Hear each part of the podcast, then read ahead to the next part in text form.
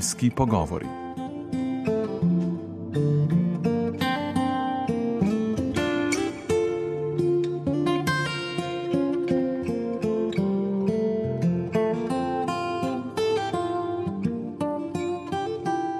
Pogovori o družini in družbi, ki nas obdaja.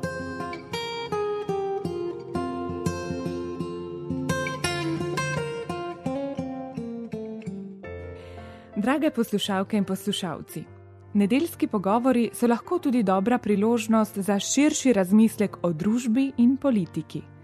Gost današnje oddaje bo dr. Žiga Turk, profesor in prodekan na Fakulteti za gradbeništvo in geodezijo v Ljubljani, ki pa ima za seboj tudi visoko politično kariero.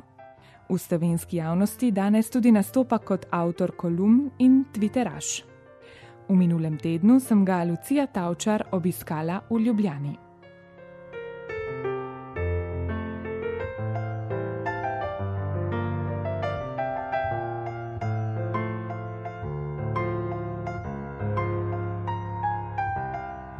Doktor Žiga Turk, pogovarjava se na Fakulteti za gradbeništvo in geodezijo v Ljubljani, kjer ste redni profesor za gradbeno informatiko in dokumentacijo.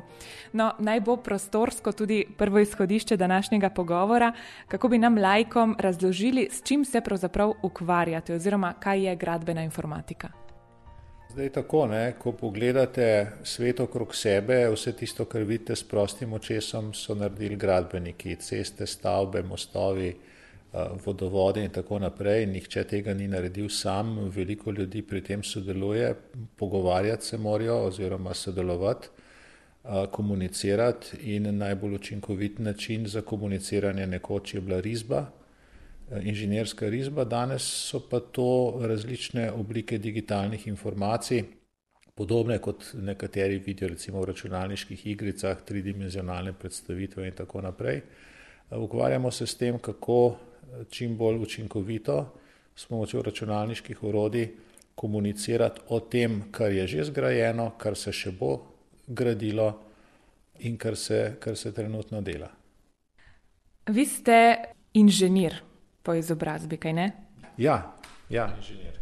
Ste odnegdaj vedeli, da želite to postati, vas je odnegdaj fasciniralo, kako so stvari zgrajene? Torej, jaz sem se odločil, kaj bi študiral v kaj zvem, poznih 70-ih, začetku 80-ih let in sem dejansko izbiral samo med inženirskimi smermi. Tehnična kemija je bila tukaj, računalništvo in gradbeništvo nekako v tistih časih ni kazalo, da bi človek lahko mislil sa svojo glavo in hkrati tukaj v Sloveniji študiral kaj družboslovnega ali humanističnega, čeprav so me tudi te stvari vedno zanimale. No, in potem na koncu v tem troboju eh, je zmagalo gradbeništvo. Ko odpremo vaš eh, kurikulum, če pogooglamo, po domače rečeno, kmalo ugotovimo, da ste imeli tudi zelo visoke politične funkcije. V obdobju 2012-2013 ste bili v Janševi vladi tudi minister za izobraževanje, znanost, kulturo in šport ni ravno najbolj pogosto, da se nek inženir recimo ukvarja tudi s politiko. Kako ste v bistvu našli to drugo vašo poklicanost? Je tudi ta odnegdaj tlela v vas? No, kot sem rekel, vedno so me zanimale družbene teme, zgodovina, geografija, tudi do neke mere filozofija, na katero se malo naslanjam, tudi ko o informatiki govorimo. Namreč kaj informacijsko predstaviti, eh, kaj spraviti v računalnik, mora najprej odgovoriti na vprašanje, kaj sploh obstaja, kar je filozofsko vprašanje, bolj kot inženirsko.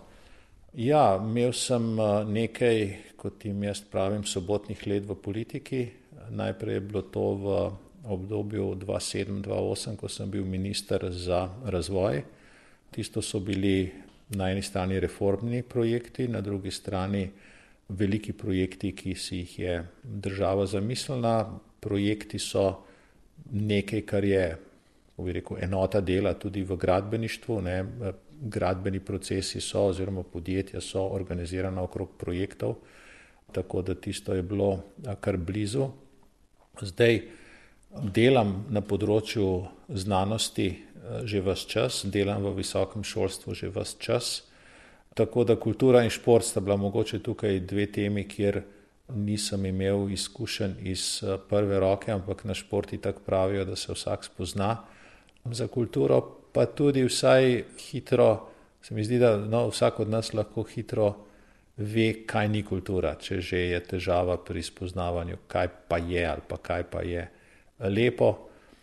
Takrat smo bili sredi razmeroma hude finančne krize, ko je vlada želela dati signal, da začenja z vrčevanjem pri sebi, zato da bi lahko vrčevala tudi na drugih področjih. Zato je bilo temu ministrstvu, ki mi je bilo blizu, torej šolstvo, znanost, dodala k temu ministrstvu še kulturo. V tem mega ministrstvu, mimo grede, je bil poleg športa bila tudi informacijska družba, kar mi tudi nekako leži. Bile so pa tudi verske skupnosti, tako da tisto je bilo res veliko, veliko ministrstvo, kjer je bilo zelo težko držati niti v svojih rokah, tudi zaradi zelo aktivnih in, eh, kako bi rekel, glasnih deležnikov, ki eh, so na drugi strani. Če si vsak dan univerzitetnega profesorja lahko predstavljamo, ne, kako recimo približno vsaj poteka delo profesorja, si mogoče delo ministra ali pa nekoga, ki je politik, težje predstavljamo. Ste tudi tam po podobnem kalupu iskali vire, prebirali razne informacije. V bistvu, kako poteka vsak dan, no? kako poteka delo ministra? To delo je čisto drugačno, kot je delo recimo nekega znanstvenika ali pa učitelja. Ne? V znanosti pač nek, nek problem študiraš, iščeš vire, morda komuniciraš s kolegi, ki se ukvarjajo z istim problemom. Če pripravljaš predavanja, podobno zbiraš vire, pripravljaš materijale, pišeš eh, učbenike, prosojnice. Skratka, zadeva je, bom rekel, 80% um, si sam v kabinetu ali pa 90%, 10% časa morda si z nekom na sestanku. Dobro, tega odgovarjanja na maile in tako naprej je več. Je nekaj tega koordinacijskega dela, ko koordiniraš recimo programsko skupino, kot jo jaz ali pa ko sem bil predstojnik katedre ali pa zdaj kot prodekan. Za politiko se mi pa zdi, da je zelo napačna predstava, da naj bi bil minister, kako bi rekel, najvišji strokovnjak na nekem področju ali pa da naj bi bil najvišji uradnik na nekem področju, čeprav se dosti krat pri nas pozicijo ministra razume tako. Ne. Minister mora biti tisti, ki določa smer na nekem področju, ki določa, kateri so projekti, katere so zakonodajne pobude, katere so rešitve ki bi, jih, ki bi se jih lotil. Potem je pa njegova glavna naloga, da išče podporo za to. Da išče podporo za to najprej v okviru, seveda, politično podporo v okviru koalicije, po možnosti tudi širše v parlamentu, pa seveda podporo med uh, deležniki, na katere se to nanaša, in um, tudi da prisluhne deležnikom, kaj, kaj pa oni potrebujejo, kaj bi si pa oni želeli. In tukaj je spet ena mehna razlika se mi zdi v Sloveniji, vsaj kako ministri razumejo svoje deležnike. Ne, jaz sem si nakopal kar nekaj jeze ali pa slabe volje med v narekovaju deležniki v Sloveniji, ko sem kot minister za šolstvo rekel, da moj osnovni deležnik, moj tisti, za katere me najbolj skrbi, ki me najbolj zanimajo, so seveda učenci, so otroci, so potem njihovi starši in da so potem učitelji, ravnatelji, Eh, tisto, kar večina smatra za deležnike, tukaj v funkciji tega, da so tisti prvi osnovni uporabniki storitev zadovoljni. Dosti krat je vtis, da se nekatera politika obnaša obratno, skratka, da je občutek, da je minister zaradi učiteljev, da je minister zaradi znanstvenikov, da je zaradi profesorjev, ne? Eh, da je zaradi zdravnikov, pa ni, ne? je zaradi pacijentov. Storitve so, ki jih mora država Eh, nuditi, ki jih mora nuditi skozi različne zasebne in eh, javne organizacije, in skrb ministra je najprej, da poskrbi za zakonodajno osnovo, in potem za to, da, bom rekel, stvari proceduralno, procesno tečejo. Lahko rečemo, da je pomembno, da ima minister neko vizijo, da si kot gradbenik mogoče predstavlja, kaj želi, da bi bil končni rezultat in na to išče način, da bi do tega prišlo. Mnenja glede tega so deljena. En, en moj ministerski kolega je rekel, da vizijo imajo norci. Ne? Vizijo imajo norci. Treba je vendarle poznati smer, v katero si nekdo želi, v katero si nekdo predstavlja, da bi stvari šle. Ta smer ni nekaj, kar si zmisli minister avtonomno, nastaja znotraj političnih strank, nastaja znotraj političnih opcij. Te vizije so, naj bi bile dolgoročnejše, trajnejše, približno naj bi tudi voljivci vedeli vizijo oziroma smer, v katero ena, druga, tretja stranka pričakuje, da se bodo stvari premikale. Seveda lahko minister da potem neko svojo noto ali pa nek prispevek. Ne. Ko sem bil za razvoj minister, se je sprejemala Lizbonska strategija, ki je bila, kako bi rekel, nekako togo, racionalno, bom rekel, znanstveno, industrijsko zamišljena. Ne. In smo potem takrat skozi slovensko predsedovanje, mogoče skozi neko mojo individualno zanimanje, potrebo po kreativnosti prinesli not ne, in potrebo potem, da morajo biti izdelki ne samo funkcionalno odlični, ampak tudi na nek način simbolno privlačni. Ne. Tako da ni, ne, ni ministrstvo in ni minister avtonomen v nekem svojem vrtičku, kjer počne, kar hoče, ampak se vključuje v, v neko širšo zgodbo.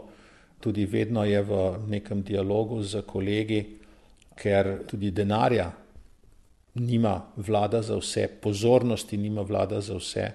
Treba je v okviru vlade najti neke prioritete, v okviru koalicije najti prioritete, v okviru dela parlamenta prioritete. In od politične spretnosti ministra, od tega, da najde zaveznike, od tega, da kupčka, da trguje, da dela usluge levo in desno, je potem odvisno, kaj od stvari lahko spelje in česa ne spelje.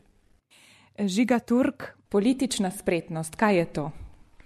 Politična spretnost je prav to, o čemer smo zdaj le govorili, da najdeš zaveznike, da najdeš podpornike za stvari, ki bi jih rad naredil. In uh, ta spretnost ni vezana samo na, oziroma sploh ni toliko odvisna od znanja, ki ga ima nekdo na nekem področju, ampak od tega, kako dober bi skoraj rekel trgovec je. Ne? Ali zna sestavljati, bom rekel, neke, neka dolga omrežja tega, kdo si kaj želi. Ne? In potem, ko išče neko rešitev, A bi rad nekaj, to stvar mu lahko naredi B, C bo pomagal tako, jaz lahko D-ju nekaj naredim, ki bo pomagal C-ju. In seveda v, v tem delu politike, ko je ta tako trgovanje, trgovanje so. Um, lahko zelo spretni tisti, ki imajo, kako bi rekel, trše komovce, pa boljši želodec za različne vrste kompromisov. Je mogoče prav to, kar veliko ljudi moti od politike, ta plat, ki je zelo trgovska in mogoče tista, pri kateri se nam zdi manj etična. Jaz se strinjam, da veliko ljudi to moti, tudi veliko slabih zgledov je pri tem. Tudi veliko krat za to, da politik lahko nekaj spelje, more neke bolj ali manj higienične usluge nekomu dati. Tisti, ki smo teh uslug dajali manj, smo mogoče manj opravili ali smo pa bili manj uspešni. Ne? Po drugi strani so te stvari lahko zelo hitro tudi na, ali na robu zakona, ali pa vsaj na robu nekih eh, škandaloznih rubrik v časopisih. Mislim, da bi se morali vendarle ljudje mečkano znebiti te naivne predstave o tem, kaj politika je. Ne? Soditi jo je treba potem, kaj naredi, ne kaj govori, za katero stvar se zauzema. In uh, tudi to bi moralo biti ljudem jasno, ne, obstaja ponavadi med ljudmi pričakovanje, ne, sej, če bo pa stroka nekaj povedala, če je treba neko odločitev sprejeti, potem lahko mi najdemo neke strokovne kriterije, lahko tako rekoč zračunamo na koščku papirja z Excelom, kaj je bolj prav in kaj je manj prav. To je utvara. Ne.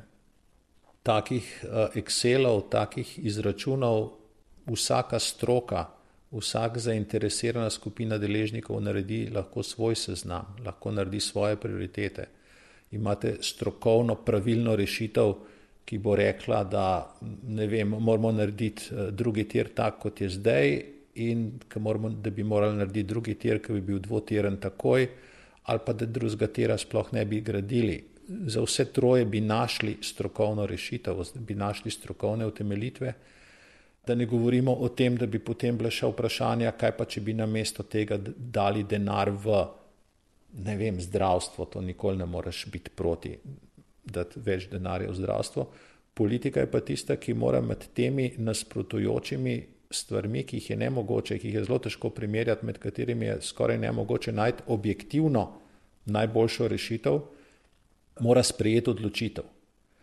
In uh, zato ne stroka, ne matematika ne, nista nadomestilo za politiko, sta zelo dobri orodji, ne, zato da ima politik vse informacije, na koncu je pa treba odločiti o problemu, ki je, kot se v znanosti reče, ne vem, angliška je mesi, ne, skratka, ni dobro definiran, ni definiran tako, da bi bil deterministično, racionalno eh, odločljiv. Se mi zdi, da v državah s starejšimi demokracijami se tega zavedajo. Ne prav v redu, ne, če je politik nekdo, ki najprej zjutraj prebere časopise, potem pokliče par kolegov, ima par sestankov, gre z nekim vplivnim zaveznikom ali sovražnikom na kosilo, da je to verjetno bolj potrebno, kot da bi sedel v pisarni in študiral nek problem in se poskušal o tem problemu naučiti več, kot ve stroka, ki je že morda v službi na ministrstvu, gotovo je pa nekje zunaj v državi, v, vem, na univerzah, na inštitutih na think tankih nevladnih organizacijah prisotna.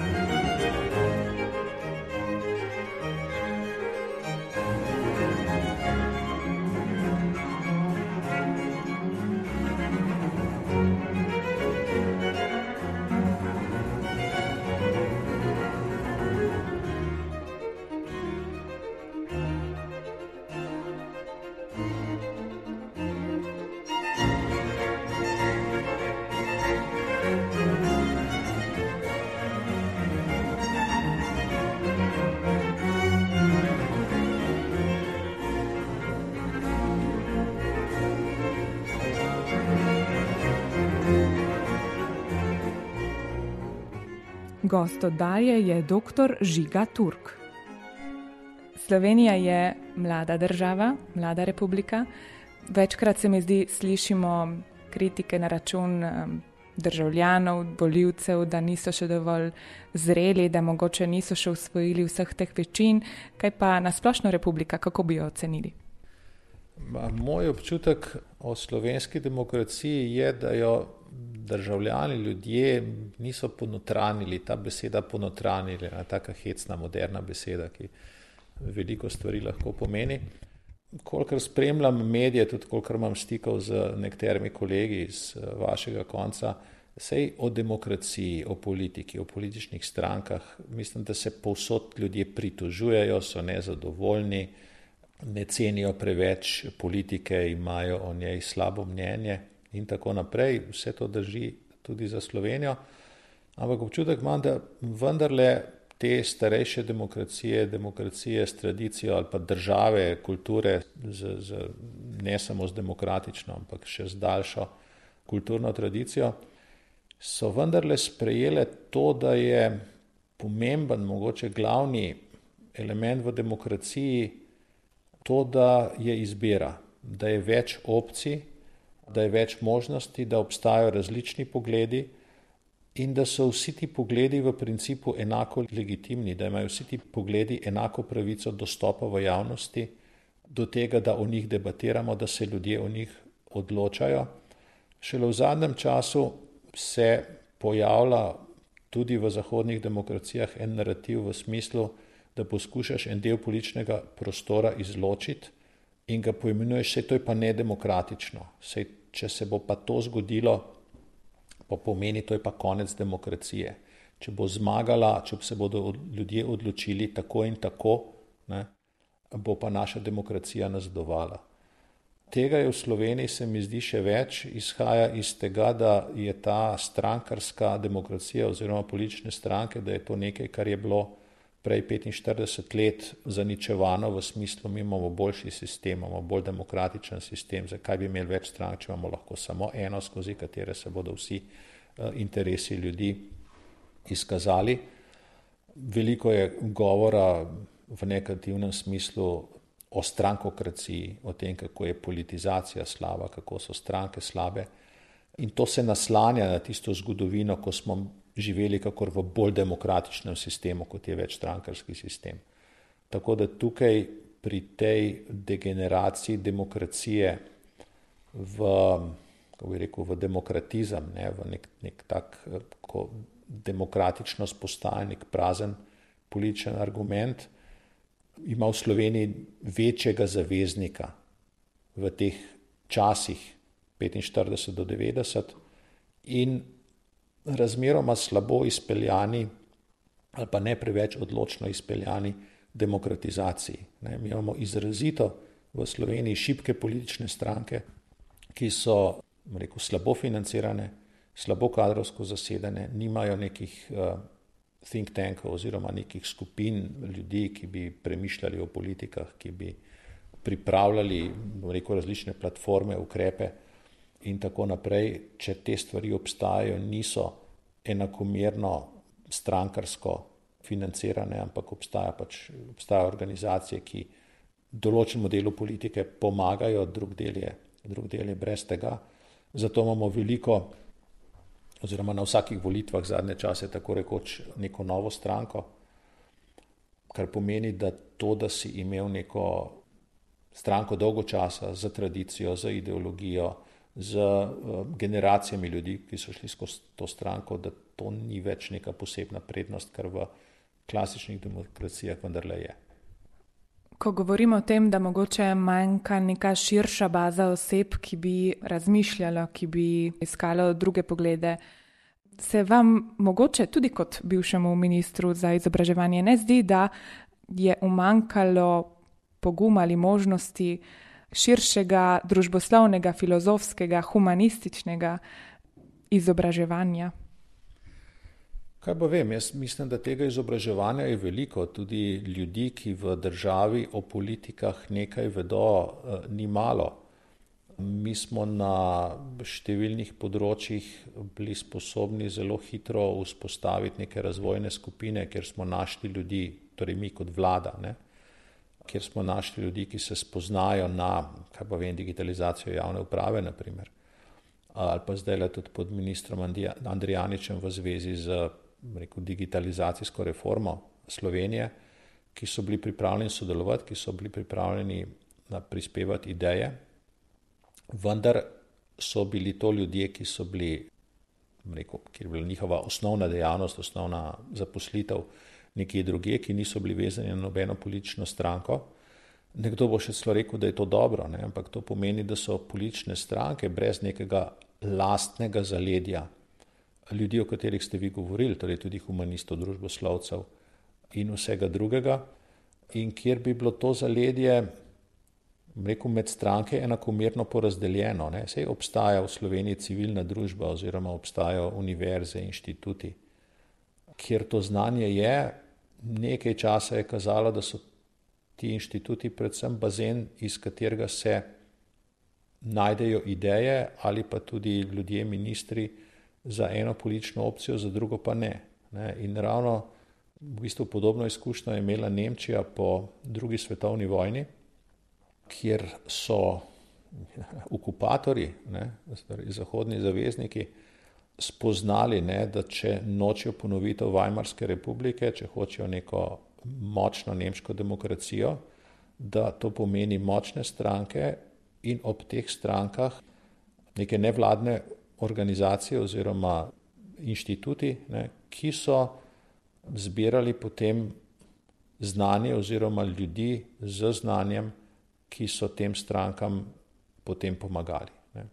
Tako da v Nemčiji še, še danes obstaja, prosperira, tudi Nemčija pomaga drugim državam pri vzpostavljanju tega, da ima tako rekoč vsaka večja politična grupacija, torej krščanski demokrati, socialni demokrati, zeleni, tudi levičari, ne, da imajo neko, neko fundacijo, ne, ki skrbi za to, da, politika, da so stranke močnejše, da so stranke bolj opremljene z idejami, z znanjem, da konec koncev obstaja tudi nek bazen delovnih mest, na katere se lahko politika umakne takrat, kadar ni, kadar ni na oblasti, kadar je služb v oblastnih organih za politiko manj. To je v Sloveniji pravzaprav velika težava. Taki, ki smo profesori, ki smo v javnem sektorju, smo se bolj ali manj z več ali manj težavami lahko vrnili na svoje delovno mesto na levi strani spektra je tudi kar nekaj teh sinekur javnih podjetij, kjer poskrbijo za te ljudi, medtem ko za vse ostale, predvsem če se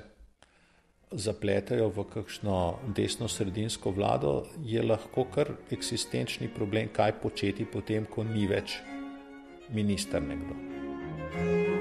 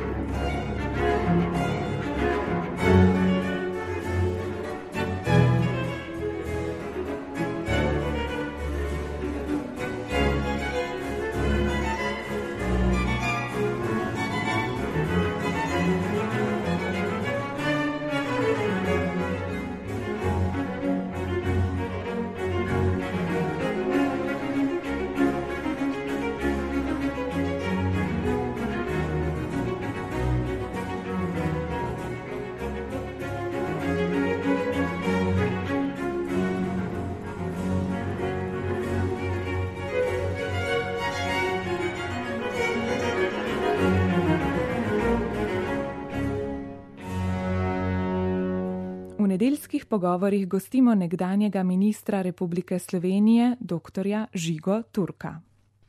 V Sloveniji doživljate volilno izredno intenzivno jesen. Imeli ste predsedniške volitve, na to občinske, pa še eh, referendum. Kako bi trenutno dogajanje, trenutno sliko predstavili nekomu, ki ne živi v Sloveniji, ki približno sedi, ampak ne ve točno, kaj se dogaja? Kako izgleda ta slika z vašega gledišča? Ja, v Sloveniji smo imeli letos najprej parlamentarne volitve, potem še predsedniške lokalne in zdaj le imamo še tri referendume. Nekdo bi rekel, nekdo je rekel, ne, da je vsak od teh dogodkov praznik demokracije, a vendar, glede na to, kar sva povedala, ne, da je v Sloveniji politika razmeroma šipka in glede na to, da ima politika v Sloveniji razmeroma malo moči, vse te volitve in vsi ti referendumi pravzaprav pomenijo na tak ali pa drugačen način demonstracijo tiste moči, ki je zunaj politike, da si izvoli ali vlado ali predsednika republike po svojem okusu. To se je zgodilo, naredili so eno stranko popolnoma na novo, ki je dobila skoraj polovico vseh glasov. To se v neki zreli evropski demokraciji ne spomnim, no, da bi se kdaj zgodilo, da pol leta pred volitvami ustanoviš stranko in imaš a, tako rekoč vse v rokah. In tukaj se mi zdi težava, ne, da je to tekmovanje med političnimi poli v Sloveniji precej neenakopravno, da ne živimo pod vtisom, da lahko da je verjetno, da bo na volitvah prišlo do menjave, da bo prišel na oblast nekdo drug, da mora tudi oblast, ki je zdaj, se zavedati, da niso večni in da če ne želi, da bodo njim delali uh, hude stvari, tudi oni ne smejo svojim političnim nasprotnikom delati hudih stvari. Je eno tako prepričanje, je tudi eno tako obnašanje, ne, kako oblast izkoristiti za to, da bo ta oblast trajno v rokah istih. Slovenci v Italiji živimo v drugem političnem sistemu in kot taki določene mehanizme političnega dogajanja v Sloveniji, vsaj moja generacija, težko razume ali se z njimi težko poistoveti. Veliko ste danes že povedali o, dajmo reči tako, levem polu, ki se v Sloveniji naslanja tudi na daljšo tradicijo in tako naprej. Zanima me, kako gledate na desni pol na to tradicijo, ali je tradicija, ali na dogajanje no, na, na tem polu strank. Desni pol je objektivno gledano šipkejši. V Sloveniji še nikoli ni izvolil v 30 letih predsednika republike. Izvolil je predsednika vlade mogoče za četrtino vsega časa, tri četrtine časa je bil predsednik vlade iz uh, drugega pola. Del razlogov za to je gotovo v boljših izhodiščnih možnostih, ki jih je imel drugi pol. Del razloga, oziroma vedno se lahko vprašamo, kaj bi, kaj bi ta pol lahko delal drugače. Dogaja se to, da ko pride na oblast, se nekako zaveda, bolj kot druga stran, da, da se mudi, da ne, ta oblast ne bo večna, da poskuša mogoče v prekratkem času narediti preveč, poskuša biti ob tem, ko ima rekel, bistveno manjši spektr medijev na svoji strani, poskuša biti v tistih medijih, ki pa jih ima, glasnejši, včasih bolj kričal, bolj grob. Ne. Posem mogoče je, da to ljudi tudi odbija. Ampak vendar ne, mislim, da bi lahko največ naredili s tem, če bi naš demokratični sistem uredili tako, da bi vendarle okrepil ne, financiranje političnih strank, jim omogočil več uh, strokovne podpore, enako vsem. Ne. Ampak s tem bi bila razlika med tistimi, ki imajo neformalno podporo v, rekel, v državi, v, v civilni družbi, v neodvisnih organizacijah in tistih, ki te podpore nimajo. To bi se mečkaj izenačilo, tekma bi bila bolj poštena, če bi bila tekma bolj enakovredna, si predstavljam, da bi bila lahko tudi bolj viteška. Ne in uh, bi se vsi, pravzaprav cel razvoj bi lahko bil za to uh, boljši. Nihče se ne bi počutil, da je poklican za to, da je na oblasti, nihče se ne bi počutil, da nikoli ne more priti na oblast. Ne. V Italiji ste vendarle imeli, mislim, veliko menjavate vlade, ne, ampak eh, enkrat so leve, enkrat so desne, enkrat so tehnokratske. Ne. In uh, prav gotovo zdaj le si, ne vem, gospa Melonijeva ne more pričakovati, da bo večno, ne, ali pa da bodo njeni somišljeniki večno, je velika verjetnost, da, bo, da bodo na naslednjih volitvah naredili uspeh socialisti. In potem, če socialistom gospodarsko ne bo šlo, bo Bruselj inštaliral kakšnega tehnokrata, pa potem naprej. Ne. Skratka, se stvari precej bolj dogajajo kot v neki Sloveniji, kjer je pravilo in je izjema. Ostala bi prav pri viteškosti, ki ste jo omenjali. Namreč, kot ste povedali, izpade mogoče desna vlada v Sloveniji, izpade mogoče glasna ali včasih celo napadalna, ker v trenutku, ko ima možnost, jo hoče izkoristiti. Večkrat se mi zdi, da Slovenci ne znamo najti nekega ravnovesja, ampak da se na tak način ustvarja le še večja polarizacija, ki nekako ni nujno dobra za demokracijo. Kaj menite? Ma, polarizacija je, s polarizacijo ni nič narobe, če je ta polarizacija v nekem ravnotežju.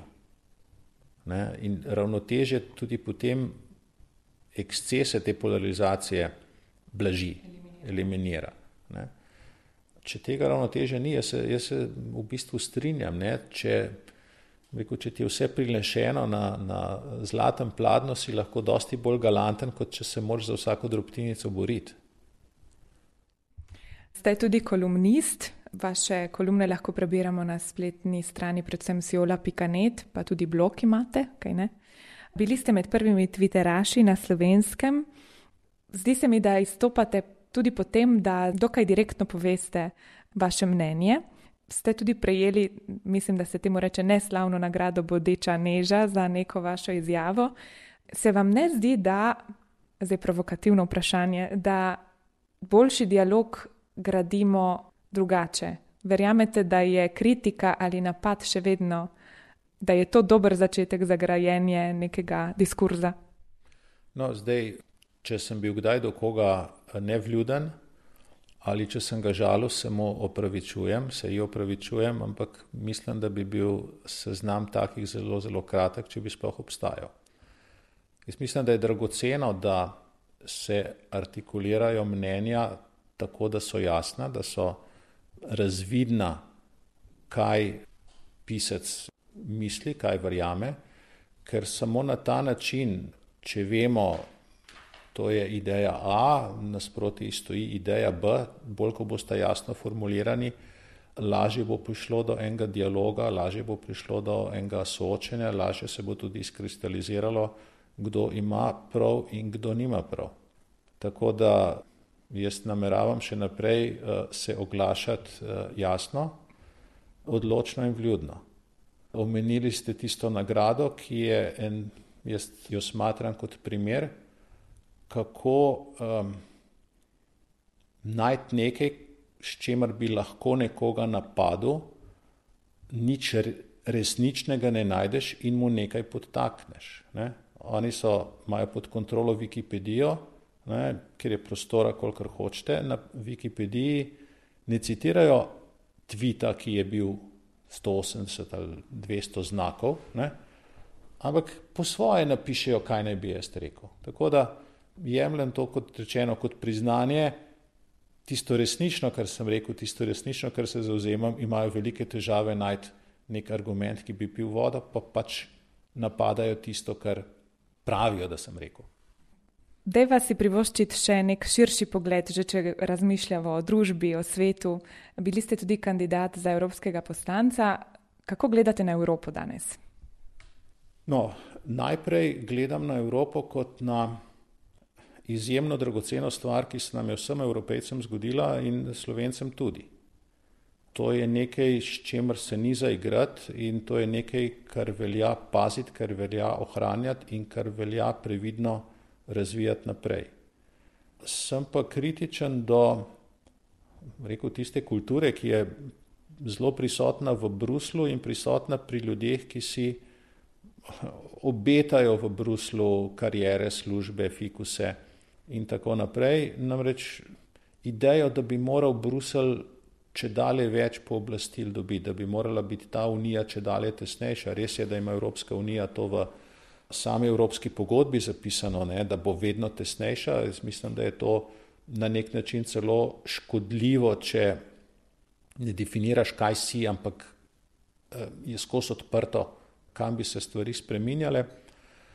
Ker vendarle je bil evropski način razvoja skozi zgodovino, če našo kulturo ali pa naše kulture pogledamo, Evropa nikoli ni bila imperij, nikoli ni bila vodena iz ene točke. Kadar je bila vodena iz ene točke, se je to zelo hitro sfižilo. Ne? Napoleon ni trajal dolgo, Hitler ni trajal dolgo. Ne?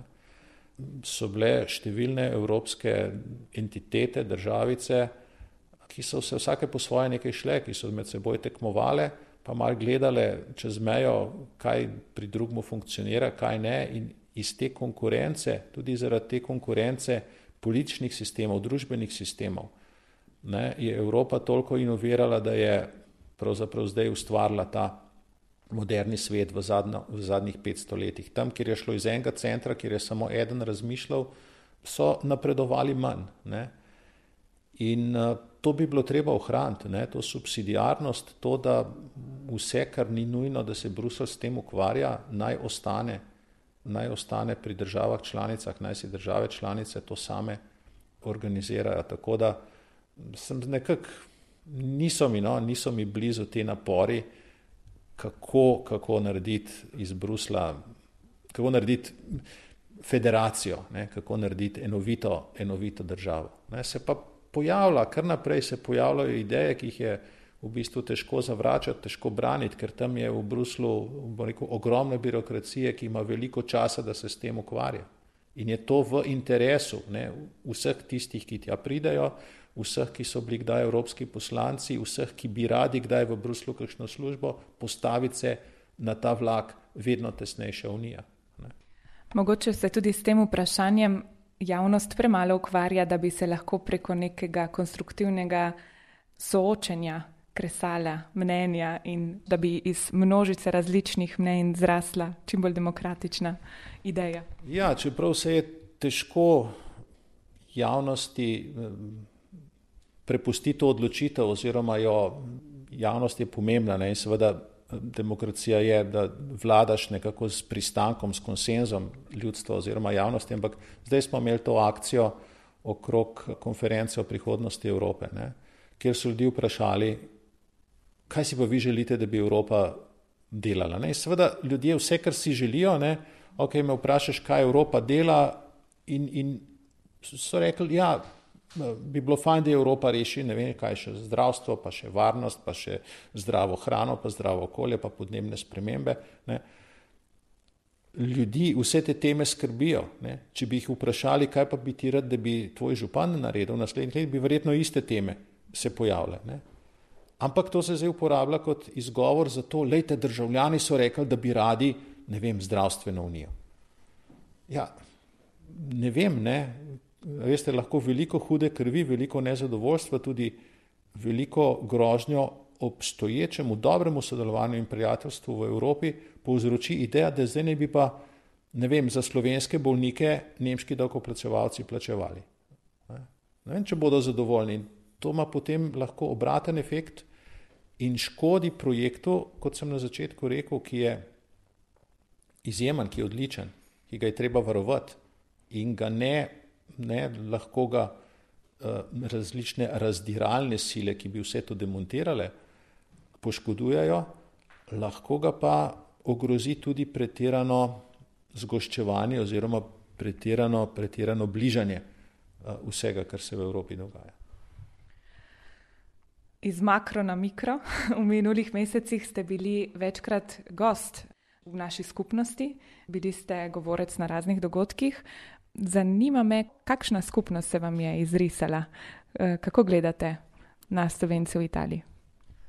Se mi zdi, da nam je vsem tukaj v, v Matici nekako v zipko položeno to, da nismo vsi Slovenci v Sloveniji in imamo en poseben vem, odnos, občutek do rojakov na drugi strani meje. Jaz se spomnim kot otrok, ko smo hodili kupovati skoraj veliko stvari no, v, v Avstrijo. Ne. smo vedno šli še na kakšno pokopališče ne, in potem je oče rekel, no zdaj pa poišč, kje so slovenski primki. Ne, in potem seveda čajev in šajev ni bilo nikjer, ampak za majhno eh, domišljije si pa hiter videl kakšnega, ne vem, karničnika z SCH-jem eh, napisanega in tako naprej. Tako da ne, tudi Trst se spomnim ene knjige, mislim, da je bila od Seliškarja, ne, rekel največje slovensko mesto je Kleveland, drugo največje slovensko mesto je Trst, tretje je Ljubljana. Ne ta občutek, uh, ta občutek je močen. Ne. Tudi ta, vsaj kar se trsta tiče, ta njegova srednjeevropski duh. Se mi zdi najbližje srednjeevropsko mesto Ljubljani je trst, ker Ljubljana je marsikaj od te srednjeevropskosti uh, izgubila. Uh, jaz sem bil predvsem pri vseh teh obiskih presenečen, kako dober je bil obisk, kako vem, so ljudje želeli potrebovali, iskali pač nek javni dogodek, kjer se govori o političnih, družbenih temah, kako so prišli tudi taki različnih pogledov skupaj. Se mi zdi, da smo tega tle v Sloveniji ali pa vsaj v Ljubljani eh, mečkano naveličani. Všeč mi je bilo, enkrat smo se z mladimi dobili, ne, tudi odlično. Se mi zdi, da v Italiji se tudi slovenski jezik nekako bistveno boljše, bolj ohranja, mogoče je občutek napačen. No občutek je, da, da se tam le vendarle drži meja no, z, z, z Italijani. Tudi tukaj imamo mrsikakšnega študenta, ki pride iz Italije, slovenca sem študira, tudi dobri, dobri med njimi so. Tako da ja, vedno mi je zelo všeč priti v, v vaše kraje. In še za zaključek, na radiju vrtimo tudi glasbo. Katero glasbo poslušate, oziroma kaj bi radi poslušali v tej oddaji? Oh, to je pa zdaj um, klasika pop, ne vem. Ne. Vse prav pride. Zdaj na, na tistih kratkih playlistah boste pri meni našli od klasike uh, Baha, tretji Brandenburški koncert, tretji stavek, uh, sedmo Beethovnovo simfonijo, mogoče Musorskega v klavirski izvedbi. Od uh, popa sem, sem ostal, se mi zdi, nekje v prejšnjem stoletju, skratka, Beatles, Abba, Queen. Uh, tako, če boste dal kakšne kvine gor, mogoče bo, uh, bo prav super. Ali pa um, Freedom od, iz zadnjega albuma od Abe. No, bomo pa to zavrteli, ne? tudi, uh, kako bi rekla, kot dopolnilo najnemu pogovoru, v želji, da bi bili svobodni razmišljati, odločati, soodločati v tej družbi in da bi bili kot družba vedno boljši. Se pridružujem tem željam. Hvala lepa za pogovor. Hvala tudi vam za obisk.